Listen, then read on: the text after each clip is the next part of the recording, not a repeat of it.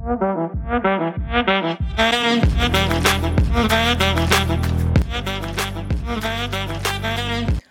ljudi, ja sam Leana i dobrodošli u 15. epizodu podcasta Nedozvoljena. Današnja tema je nešto što sam ja mnogo puta u svom životu čula u različitim oblicima i formama, a sigurno sam i mnoge žene u mom okruženju, a to je da sam previše. Da sam previše emotivna, previše glasna, previše pričam, previše prostora zauzimam. Nešto sam previše. I želim u ovom epizodu malo da pričamo o takvim izjavama, takvim stavovima. Šta to znači za nas? Da li se mi u takvim prostorima skupljamo da bi više pripadali ili tražimo prostor gde naše previše je dobrodošlo, e, željno iščekivano i nešto gde mi možemo da prosto budemo mi. Kada pričamo o tome biti previše, mislim da se ovo odnosi i na neke i partnerske i prijateljske odnose.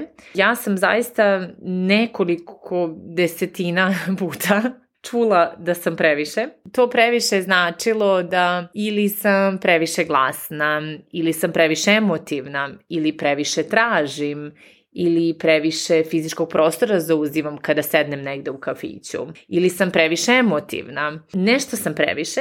Meni ovakve izjave postavljaju duboka pitanja, ali predstavljaju neku sliku koju mi stvaramo o svetu i o nama samima. To je način na koji nas drugi vide. Međutim, zaista mislim da vremenom mi počinjemo isto tako i sebe da vidimo, jer prosto kada nam je nešto dovoljno puta ponovljeno, mi počnemo ga prihvatamo kao istinu i počnemo ga prihvatamo kao našu istinu. Počinjemo sebe da vidimo kroz oči drugih ljudi, iako možda mi u dubini nas ne osjećamo to, ne smatramo da smo previše, ali ako nama sredina uporno ponavlja te stvari, kako je moguće da svi to vide, da mi to ne vidimo. I počinjemo nekako da verujemo u te stvari, kao posledica takvih stvari počinjemo da se skupljamo i počinjemo da budemo manji i da sve ono što jesmo nekako umanjujemo da bi ljudima oko nas bilo udobnije. Jer poruka koju mi dobijamo kada smo previše nešto, ono što ljudi žele da kažu posle toga je prestani. Prestani da budeš previše glasna, prestani da budeš previše emotivna, prestani da budeš previše senzitivna. Samo prestani da budeš to što jesi, da bi osobi preko puta nas bilo komforno i da bi bilo udobno. Da oni ne bi morali da se rašire u nekim svojim shvatanjima, nego da prosto neki sistem vrednosti koje osoba preko puta nas ima ostane netaknut. Kada ljudi izgovaraju takve stvari, kome smo mi previše i šta to govori o drugim ljudima? Koje su to sve stvari koje ljudi preko puta nas ili oko nas koje to izgovaraju? Koje su to stvari koje oni sebi ne dozvoljavaju? Jer ja često mislim da stvari koje nas iritiraju kod nas samih, mi često projektimo na druge ljude i da su to brdo nekih dozvola koje ljudi oko nas sebi ne dozvoljavaju. Verovatno zato što su ono od malih nogu slušali da su pretrano glasni, da treba da prestanu, da ćute, da budu mirniji, da budu tiši, da budu manji. I to su neke poruke koje mi svesno ili nesvesno slušamo od zabavišta. Znači, zabavišta i osnovna škola i srednja škola i naši prijatelji i porodica. Mi kroz te stvari ne dajemo sebi dozvolu da budemo ono što jesmo i često ljudi koji nam izgovaraju takve stvari ne daju sebi dozvolu da budu ono što jesu. To znači da oni nekako, mislim, i sami sebi ne priznaju da je okej okay da budu glasni, emotivni, da traže nešto, nego sebi ne dozvoljavaju te stvari i samim tim im smeta kada vi te stvari dozvoljavate, kada vi sebi dajete prostor da budete glasni, emotivni, da tražite, da hoćete i da nemate problem da to pokažete.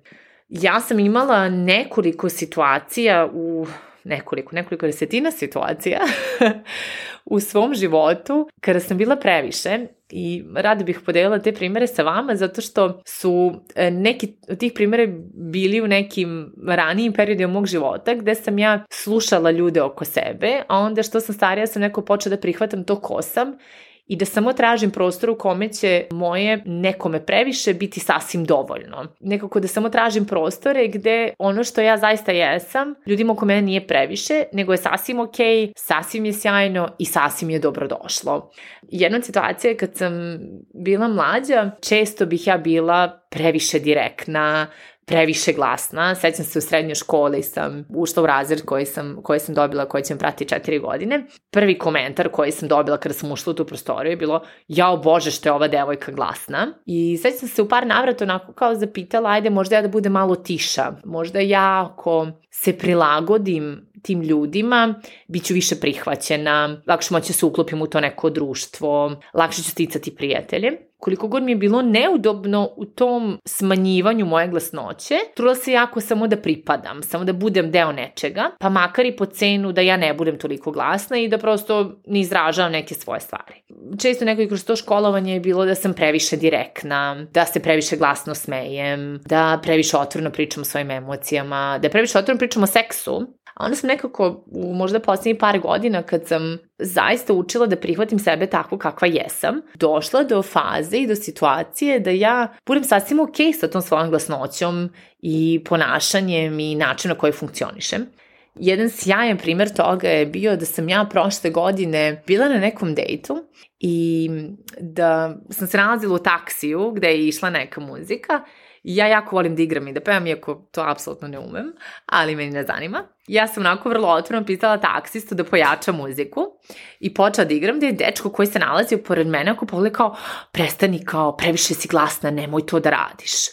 I sećam sam u tom momentu samo stala i rekla, mene apsolutno bole uvo, da li je tebi neprijatno, meni je lepo, nikoga ne ugrožavam svojim ponašanjem i ne vidim zašto to nekome smeta. Dok sam samo stala i kao, ja ću pevati i igrati, tebi ako je neprijatno možeš slobodno da izađeš iz taksija. I ne mislim da to uopšte nepoštujuće prema nekome, mislim da je čak bilo mnogo više nepoštujuće prema meni, da sam se samo skupila i utišala da bi tom muškarcu pored mene to bilo udobno. Često e, ljudi oko nas kažu budi svoj, budi svoje, izrazi svoje emocije, kaži ono što jesi, ali onda kada pokažemo to, apsolutno nisu spremni to da prihvate. I često se mi, ako dovoljno puta to čujemo, nesvesno skupljamo i stavljamo svoje želje i potrebe onako kao sekundarne, prosto daj samo da ugodim ti ljudima oko mene, kako se ja osjećam, to je nebitno. I često taj moment uh, koji sam je drugarica čula da kada bi izrazila neke svoje potrebe i želje, ako ih je recimo nešto povredilo i nije im prijalo, da bi komentar bio ti si previše senzitivna.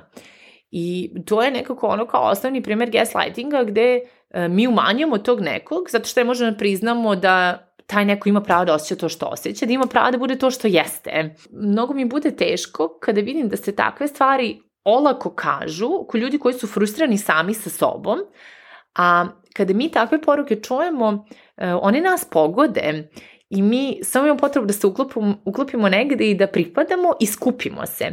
I mislim da što više to radimo, sve manje mi ostajemo mi, a sve više postajemo neka cenzurisana verzija onoga što bi društvo i neke socijalne norme nas zahtevali. Često sam se nalazila u nekim prostorima, da li su to bili neki partnerski odnosi, ljubavni odnosi ili prijateljski, gde je to moje previše tim ljudima bilo previše, a onda sam uh, shvatila da je nije rešenje da se ja skupim i da budem manja, nego da samo pronađem prostor gde je moje previše okej, okay, gde je ono što ja jesam dobrodošlo, u prostor gde ja ne moram da se umanjujem. I često je to značilo prekide nekih odnosa, prekide nekih kontakata, i izlaženje iz nekih grupa ljudi, iz nekih odnosa koji prosto više nisu uh, meni odgovarali. I ono što je istina, ti odnosi meni nikada nisu verovatno odgovarali, jer su funkcionisani samo dok sam ja bila manje. A onog momenta kad sam ja odlučila da budem sasvim ok sa tim ko jesam, i da mi bude okay da sam emotivno i glasni, da zauzimam prostor i da sam direktna i da pričam o seksu i da pričam puno i kako god. Shvatila sam da meni samo treba neko moje pleme i neki moji ljudi koji će to moći da prihvate, zagrli i da kažu to je sasvim okay i ti si voljena takva kakva jesi. Jer zaista, zaista ne smatram da je rešenje skupljanje, već širenje i pronaženje prostora tu gde pripadamo. Mislim, ako se skupljamo, naša energija ne ide u prostore gde smo, gde smo mi mi, nego ide u neke prostore suzdržavanja da bi se ugodilo drugima. A što više ugađamo drugima, a manje ugađamo sebi, znači da nam je mnogo više stalo drugih, a ne do nas. A mislim da je zaista prvo i osnovno da prihvatimo ono ko jesmo i šta jesmo i da tražimo prostor gde, gde će to biti dobrodošlo i gde možemo da, da postojimo takvi kakvi smo. I ono što jeste istina je da ne možemo da budemo za svakoga i nekako biti za svakoga za mene baš zvuči nekako umarajuće i preterano posla. Tako da pitanje za razmišljanje je koliko često ste vi čuli da ste previše emotivni, previše glasni, previše iskreni, previše otvoreni i koliko puta ste u tim prostorima sebe skupljali da bi nekom udovoljili, a koliko puta ste samo odlučivali da budete u prostorima gde sve to vaše previše drugi drugim ljudima dobrodošlo i voljivo. Hvala na slušanju i družimo se uskoro. Ćao!